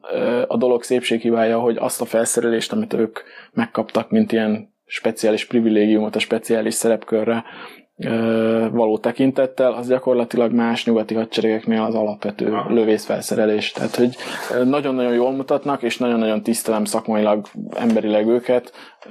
Igen magas színvonalon csinálják azt, amit csinálnak, de gyakorlatilag az az egyetlen alakulat, ahol mondjuk normális M4-esek vannak rendszeresítve, NATO szabványos lőszer van rendszeresítve, olyan felszerelés van, ami megállja a helyét egy, egy olyan környezetben is, ahol nyilván korszerű dolgok kellnek, tehát itt most nem az afrikai milícia háborúkra gondolok, amire még alkalmas talán a a. Gondolom ők akkor évente nem csak kétszer látják a lőteret. Hát meg... ők, ők nem, tehát ők azért igencsak, és nem csak a lőteret látják sokat, hanem valódi harcot is, tehát a, a, ez, a, ez az alakulat, illetve az elődjei adták a különleges műveleti kontingensnek a váltásait, akik Afganisztánban egyébként amerikai, brit, német különleges alakulatokkal együtt vadászgatták le a tálib felsővezetőket, úgyhogy ők azért elég komoly tapasztalattal rendelkeznek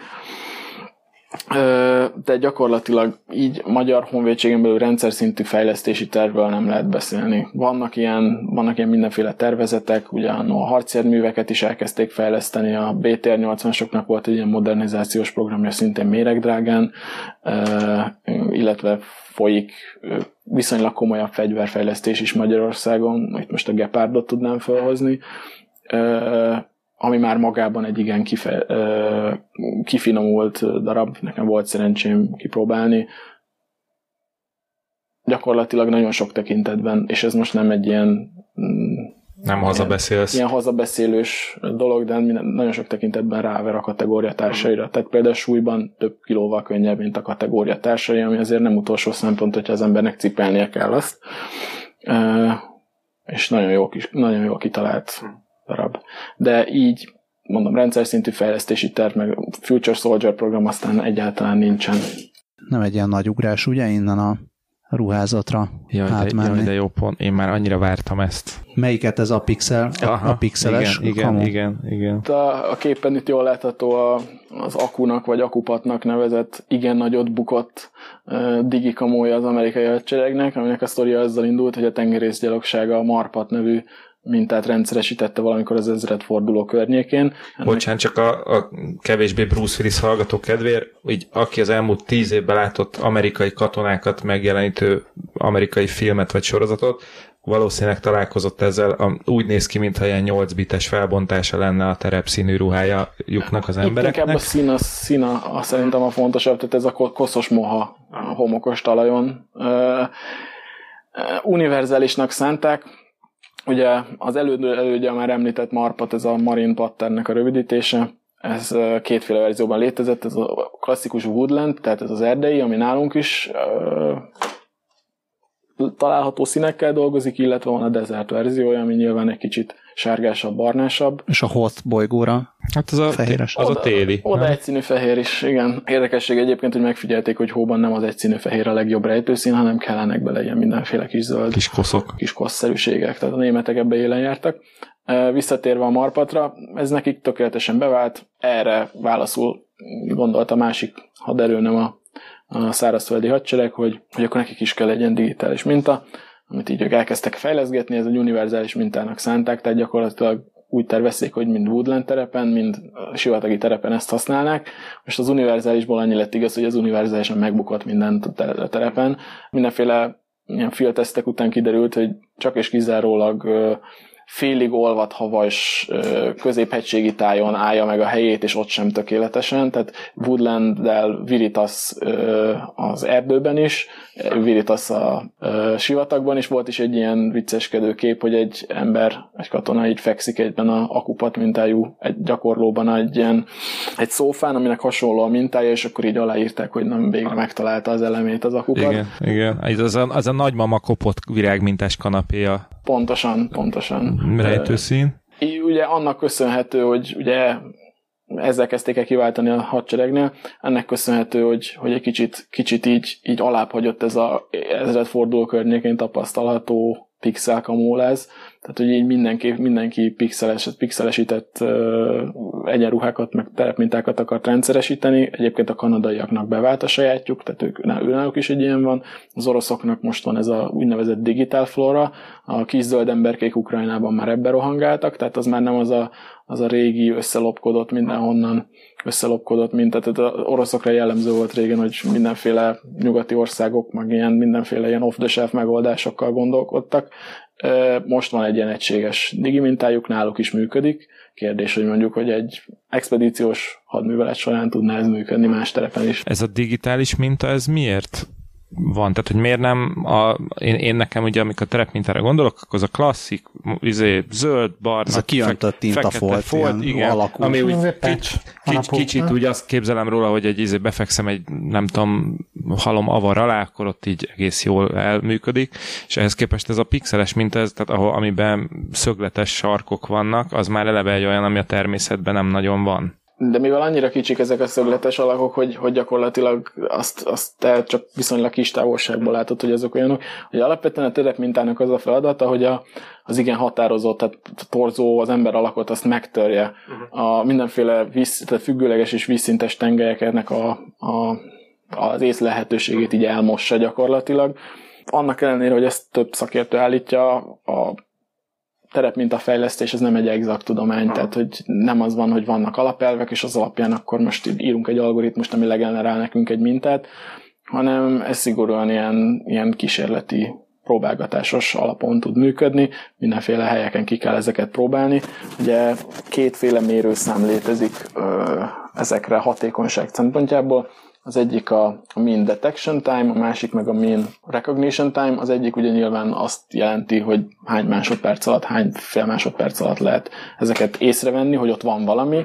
A második pedig nyilván azt, hogy hány másodperc alatt tudjuk észlelni, hogy az tulajdonképpen micsoda az, amit mi ott látunk. Ezek azok a mérőszámai alapján lehet mérni ezeknek a hatékonyságát.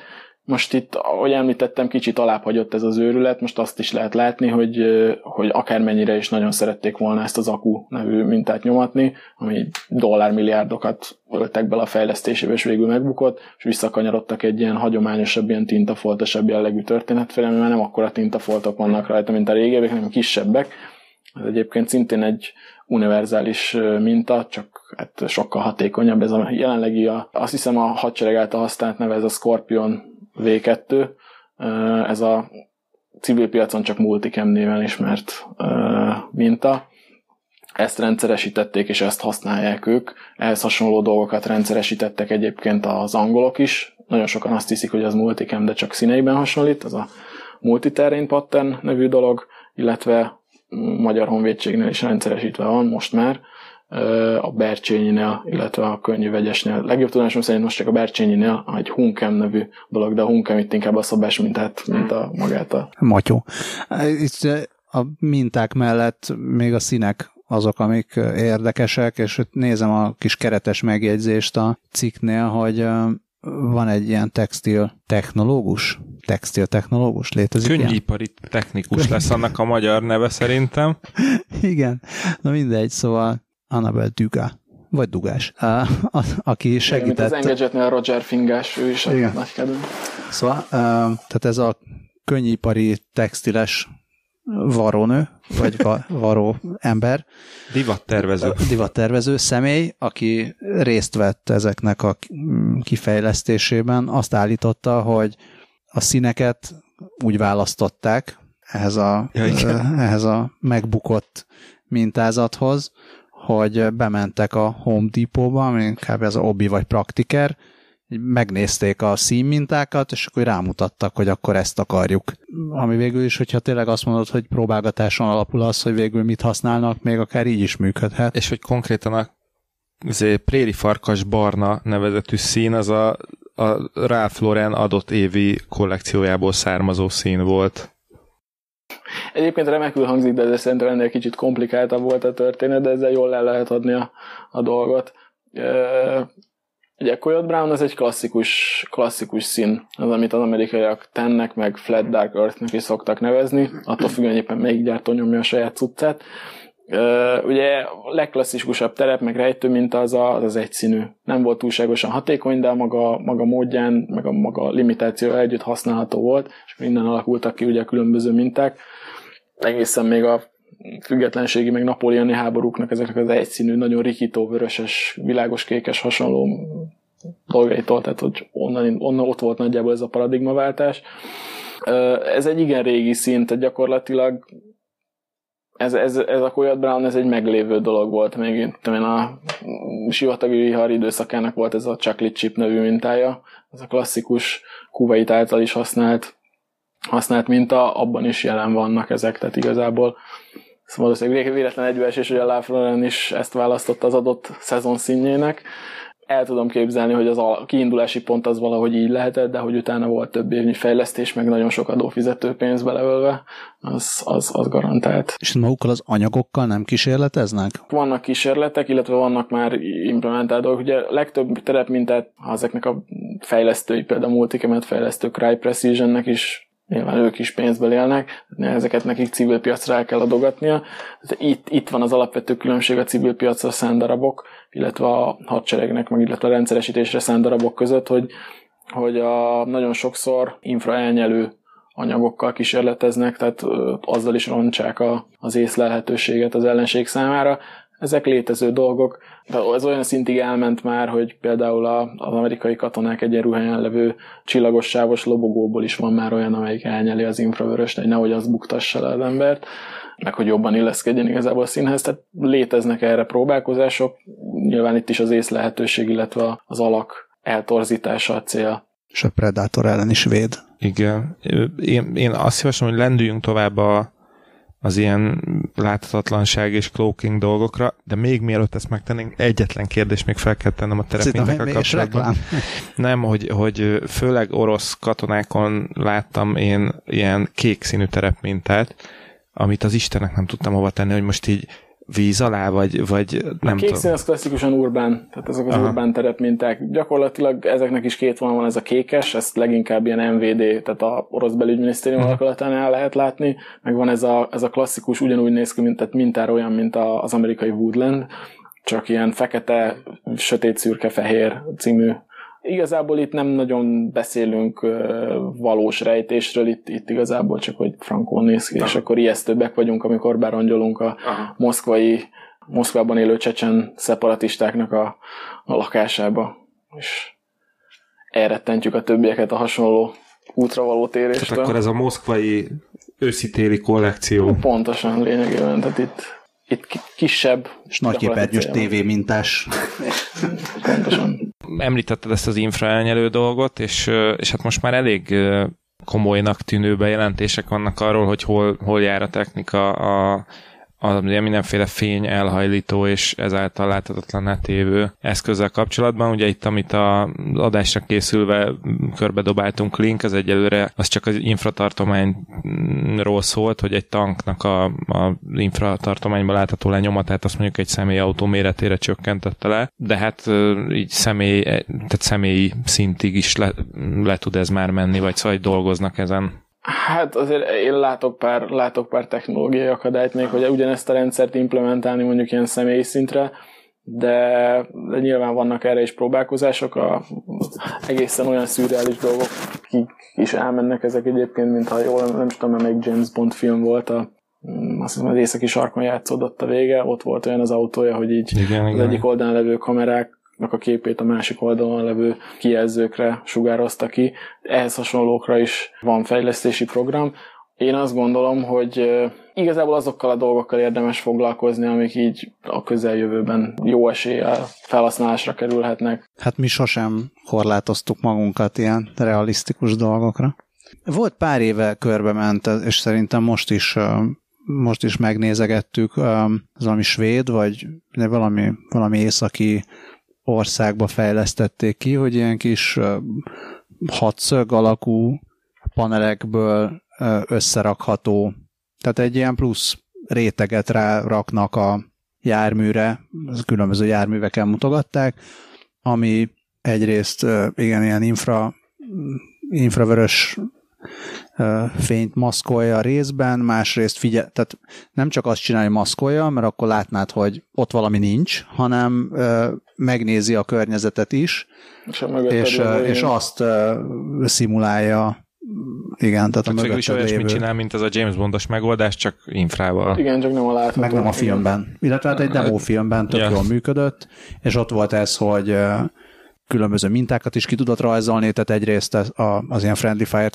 kiküszöbölendő jelezte egy ilyen nagy x hogy itt vagyok, ne lőjetek, vagy a harckocsi helyett láttál ott egy személyautót, vagy éppen teljesen eltűnt.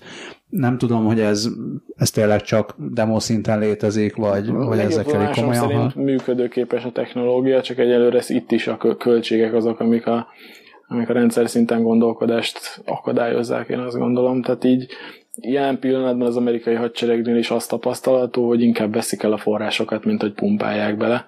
Hát így két végig háborúzott évtized után elég nehéz eladni ilyen fejlesztéseknek a mindenféle.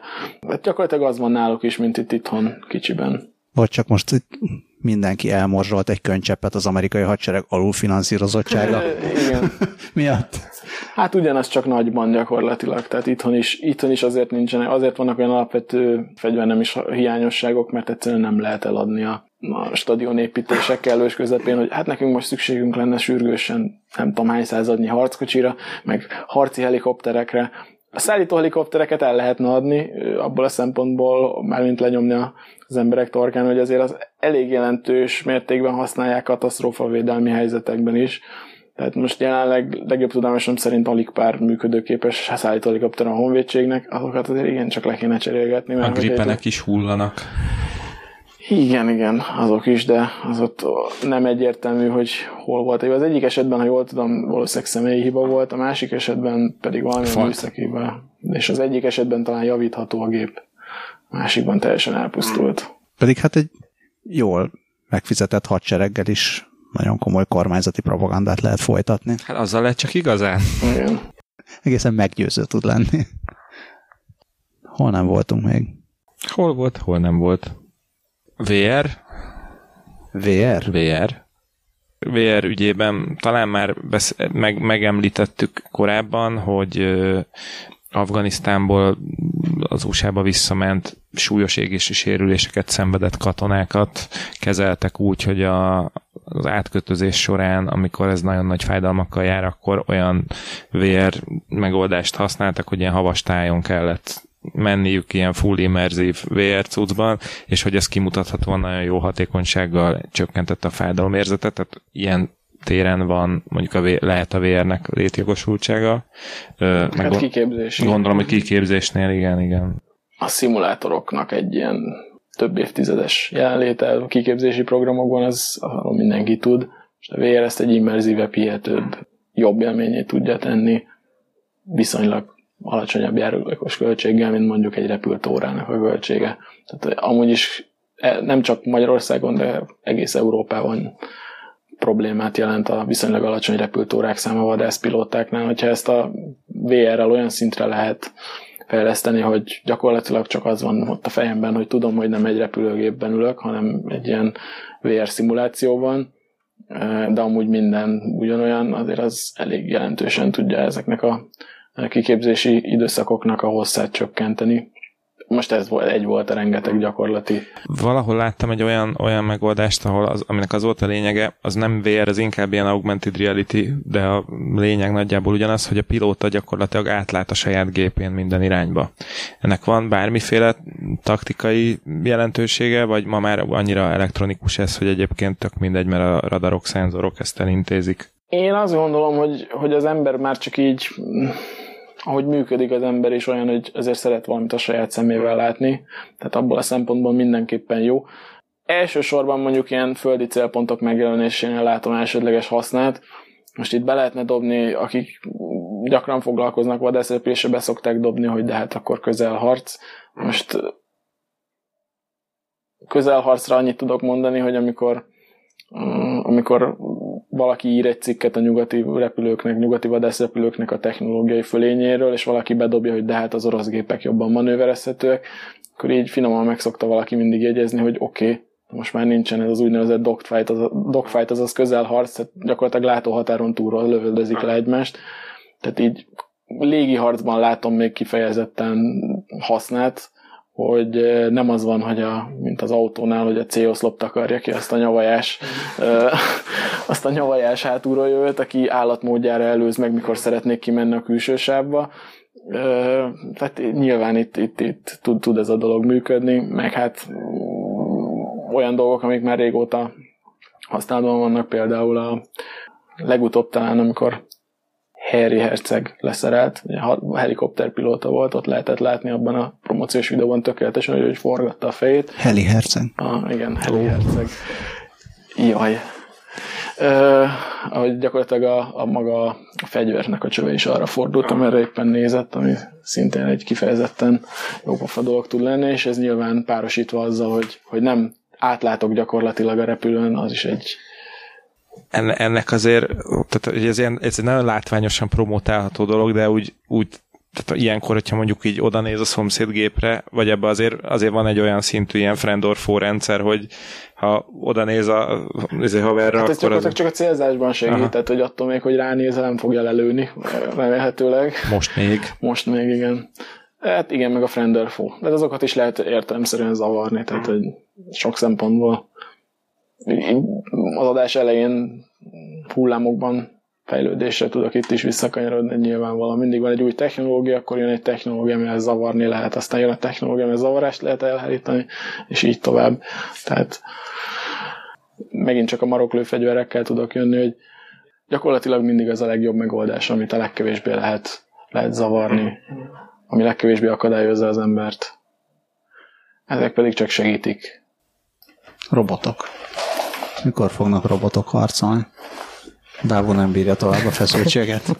Hát, mit csinálsz? Fény. És lővilágos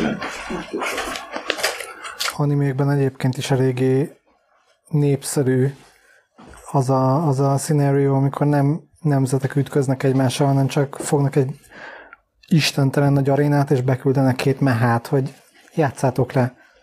Ja, én azt hittem, tegnap tegnap vagy tegnap előtt néztem a Voices of a Distant Star, uh-huh. ami egy ez egy ilyen kis szerelmi, vagy ilyen tini szerelmi történet, ez de most nagyon nem egészen mellékszálként, de, hogy... mellékszálként az van benne, hogy a 15 éves kislányt felvették a, az ENSZ ilyen űr légi erejéhez, ahol igen, egészen pontosan a meha pilotájának, ahol ül a ül a mehában, természetesen iskolás lány ruhában, és, és pont ez van, hogy tehát kívülről meha, de belülről belülről egy 360 fokba kilát.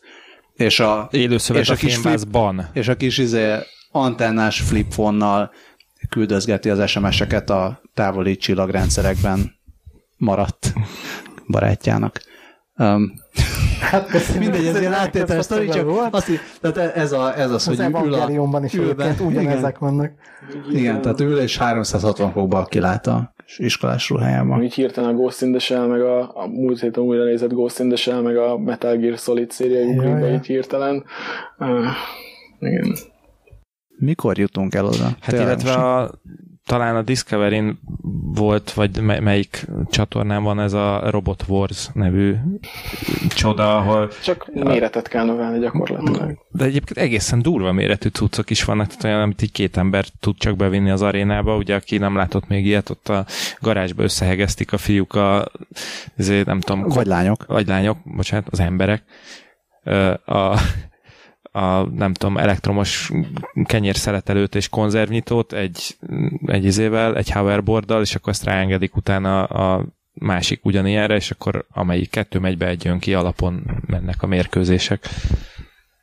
De ilyenünk mikor lesz? Ezen dolgoznak egyáltalán, hogy legyen ilyen, hogy beküldjük a Big Dogot, és akkor nem annyira barátságos, hogy a hoki ütővel fejbe csapom, akkor eldől és röhögök rajta, hanem fegyvert is raknak rá, vagy azért ennyire még, vagy ezt nem mondják el nekünk? Gyakorlatilag, csinálnak ami, ilyet. a, a, ami, ami így hadsereghez köthető cégnél foly, folyik bármilyen fejlesztés, ez előbb-utóbb ilyen weaponized dolog lesz, tehát hogy így előbb-utóbb mindig, tehát nyilván a hadsereg sem azért támogat fejlesztési programokat, hogy utána ne rakjon rá baromi nagy fegyvereket, amikkel pusztítani lehet. Nyilván vannak erre, tehát hogy leggyakrabban csak az UAV-k szoktak előkerülni, de azért ott vannak, vannak vízi, illetve szárazföldi szárazföldi megoldások is. E, Jelenleg még, jelenleg még nem, a, nem a felfegyverzett vonal az erős, hanem mindenféle ilyen, hát nem is tűztámogató, de mindenféle ilyen ö, bomba hatástalanító, ö, illetve ilyen segéd Serpa. serpa jellegű dolgok, tehát hogy hogyan könnyítsük meg a, a katonáknak a dolgát, de olyan gondolom, hogy időkérdése, tehát hogy bármi, ami így, ami így kifejlődött a hadseregeknek a környékén, az előbb-utóbb föl lett fegyverezve. És azt hiszem pár napja láttam egy videót, hogy az F-16-os most már, most már önmagában is tudott repülni, mert egy ilyen önvezető autóhoz hasonló szerkezettel megoldották, hogy Emberi irányítás nélkül emberi repülnek. irányítás nélkül. Jól idéztem. Uh-huh. Nem tudom, neked van Skynet-es Mondja ez. Zsuki a Skynet-es pólójában egy Mind, mind meghalunk. De mint ugye ma, ezen a héten ment, ment nagyot az a, az a gif az interneten, amiből tudhatjuk, hogy a felfegyverzett big dogok ellen Mini? három, három-négy banánhéj a megoldás. Igen, igen. Ja, az a Boston Dynamics-nek volt az új Spot Minie, ami nem sikerült annyira. Banánhéj vagy hokiütő, ez a ősi ellenség ezeknek a De robotoknak. felállt, felállt belőle, szóval most Én, nem én, tudom, csak, én, én, nem láttam, a, a, én, én csak egy A olyan gifet láttam, ahol így puff, oldalra esett, és úgy maradt, azt nem láttam, hogy utána felállt. Ja, mert van az a manipulátor kéz, vagy hogy mondják ezt magyarul, ami egyben a feje is, mert rá van rajzolva két nagy böszmeszem, amivel fel tudja állítani magát, vagy megfogja a műanyag poharadat, és így kijönti belőle valamit. De mindig az a legbizarrabb, amikor ezek felállnak. Igen. Soha nem úgy állnak fel, ahogy gondolnád, hogy felfognak. Ezt most hagyjuk lebe- lebegni a levegőben, ezt a mondatot egy kicsit. Big dog mi? Hát tényleg a Boston Dynamics-et kivette most meg. Mert ugye a legutolsó info az az, hogy, hogy, Lőrinc. Ha, hogy eladó egyébként, még Még Google nincsen ilyen szintű, mögüle. ilyen, nincsen, nincsen ilyen szintű robot még egy, talán csak Angliában. Nem, sajnos nem tudom. Az, ez, ezeknek a részét általában nem szoktam Ezt nem, ezt nem neked. Viszont, viszont ha már a magától repülő F-16-osok szóba kerültek, akkor emlékezzünk meg a mesterséges intelligenciáról, aki legyalázta a nem tudom hány évtizednyi tapasztalattal bíró pilóta, instruktor, atya úristent. Ez már későn jött be, én ezt már meg sem néztem. Ez Ja, volt, ezt, ez- ezt, ezt legjobb emlékeim szerint én küldtem be nektek valamikor, de ez Igen, egy déli igen. méles anyag volt, úgyhogy a szava hihetőségét Igen. erősen ö, A mértékadó déli nem, mél. nem voltam benne biztos, hogy... Mérsékeltségéről híres.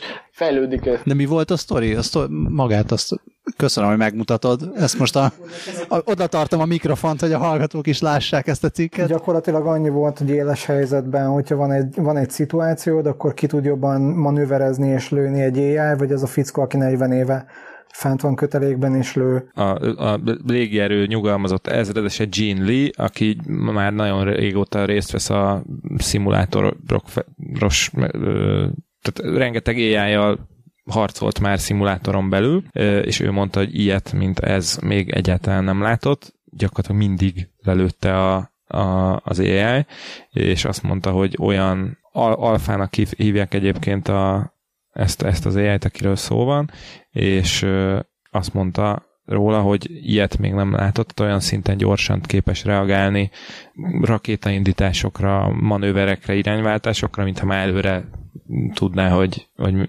mire készül az emberi pilóta.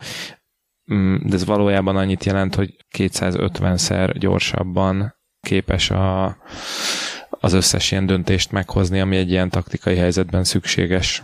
250-szer olyan gyorsan, mint egy ember. Tehát gyakorlatilag mire pislogsz egyet, addigra ő már elemezte az összes lehetséges helyzetet, és a szerint módosítja a pályát, vagy a szerint céloz és lő. És ráadásul nem elég, hogy minden alkalommal lelőtte a pilótát, ráadásul arról számolt be, hogy miután így végig gyakorlatozta ezt a napot, annyira fáradtan ment az, hogy gyakorlatilag csak összeesni volt ereje, tehát hogy mentálisan is igen megterhelő ellene harcolni. Nekem itt volt egy ilyen fogalom, amit így már többször hallottam, de így nem igazán tudom, hogy mit akar ez a fuzzy logic. Ez, ez, ezen alapuló mesterséges intelligencia. Ezt nekem tudnom kell pontosan. Én, én, én, próbáljam, próbálj meg a fuzzy logicot, Próbál... mert én, én jártam egyszer fuzzy hát, logic. akkor szerintem te, te mondd el, mert én csak egyfél év, egyfél év fuzzy logic. logic okay. Te és milyen volt? Kicsit homályos? Igen. Tehát van a, az ilyen boolean logic, hogy igen, nem. igen, nem, és a fuzzy logic az meg az, hogy ilyen szinteket tudsz beállítani. Tehát nem, nem csak nem csak igen nem tud lenni, hanem súlyozni tudod. A, a, a szürke árnyalatos logika. igen. Inkább igen, mint nem. Búlia Talán. Szür, 50 árnyalata. Ennyi. Tehát most ezt nem tudom, hogy ebben az esetben mit, mit alkalmaztak. De mondd el te is, mert lehet, hogy még jobban tudod. Nem, és tehát akkor... ugye ez, ez, ez az alapvető lényege, és ezen felül meg azt tudja, hogy, a, hogy egy nagy feladatot, ami jelen esetben az, hogy lőd az ellenséget, azt képes, képes lebontani részfelad, részfeladatokra, és minden egyes részfeladat, hogy állítsd oda a célkeresztet, élesítsd a rakétát, ta, ta, ta, ta, ta. ezt így külön kis, egy-egy kis folyamatként ö, tudja kezelni, és ezért is tud sokkal gyorsabb lenni, mint egy ember. Kvantumgéppel ezt mennyire lehetne? Tehát mennyire kvantumgépre optimalizálható ez a feladat? Hát azt Sor. gondolom, hogy nagyon, hiszen egy kvantumgépnek eleve a nem, non, Mert, hogy pont, pont non-linearitás a, a lényege, ha? igen. És a, az, azt nem tudom, írja a írja ez a cikk, hogy itt az AI az a, tehát az emberre reagált, vagy pedig a, az ember akcióinak az eredményére. Tehát az AI az azt szimulálta, hogy egy ellenség mit lát, hogy elindul felém a rakéta, vagy pedig azt, hogy megmozdította a kontrollert mondjuk, vagy rányomott a gombra. Nem látja az embernek, tehát nem látja azt, hogy az ember megnyomja a gombot. Tehát nem csal az AI. Nem csal az AI, hanem annyit lát, hogy kilőttek egy rakétát felém. Viszont, ami még egy ijesztő része ennek az AI-nak, hogy különböző egyes mm, stringjeit e, ennek az AI-nak, vagyis az egyes ilyen al részecskéit úgy fejlesztik, hogy, hogy ezeket versenyeztetik egymással, a többféle helyzetre az AI által javasolt megoldásokat versenyeztetik egymással, és ilyen evolúciószerűen, ami abból sikeresnek bizonyult, legközelebb már csak azt fogja használni. A tökéletes gyilkost fejlesztik. Gyakorlatilag igen. Azért ez az AI-jal kapcsolatos sokszor előkről, hogyha Stephen Hawking fél egy kicsit az AI-től, akkor azt hiszem én is De hát vékony égen járunk. Ugye, hogy hívták a robotlány AI-t, aki megmondta, hogy meg fogja ölni az embereket? Sofia. Ja, igen. Sofia, mi szeretünk, ne ölj meg minket. És értesítsd elő erről a vadászgép ismerőseidet is.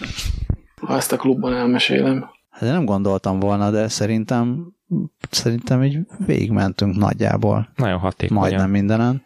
Hát, de szerintem a te jegyzeteidben még mindig az első oldalon tartunk, vagy nem? Ennyi az összes igazából, tehát így azt nézem. Ugye a hálózat központú hadviselés volt az, ami nekem itt, itt volt, és így nem került elő.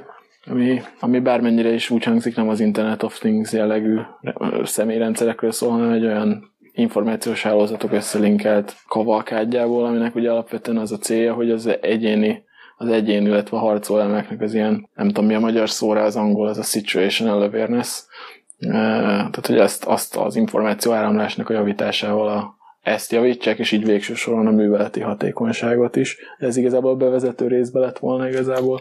Hát, vagy, vagy azt gondolom, hogy ez, ez már ez már egy picit más, tehát ez, egy, ez elvisz egy kicsit más területre. Most inkább, inkább ilyen eszközök szintjén voltunk, és lehet hogy, lehet, hogy érdemes lesz akár máskor egy olyasmiről is beszélgetni, ami már inkább stratégia, meg egy ilyen nagyobb rendszer szintű kérdéseknek a tárgyalása.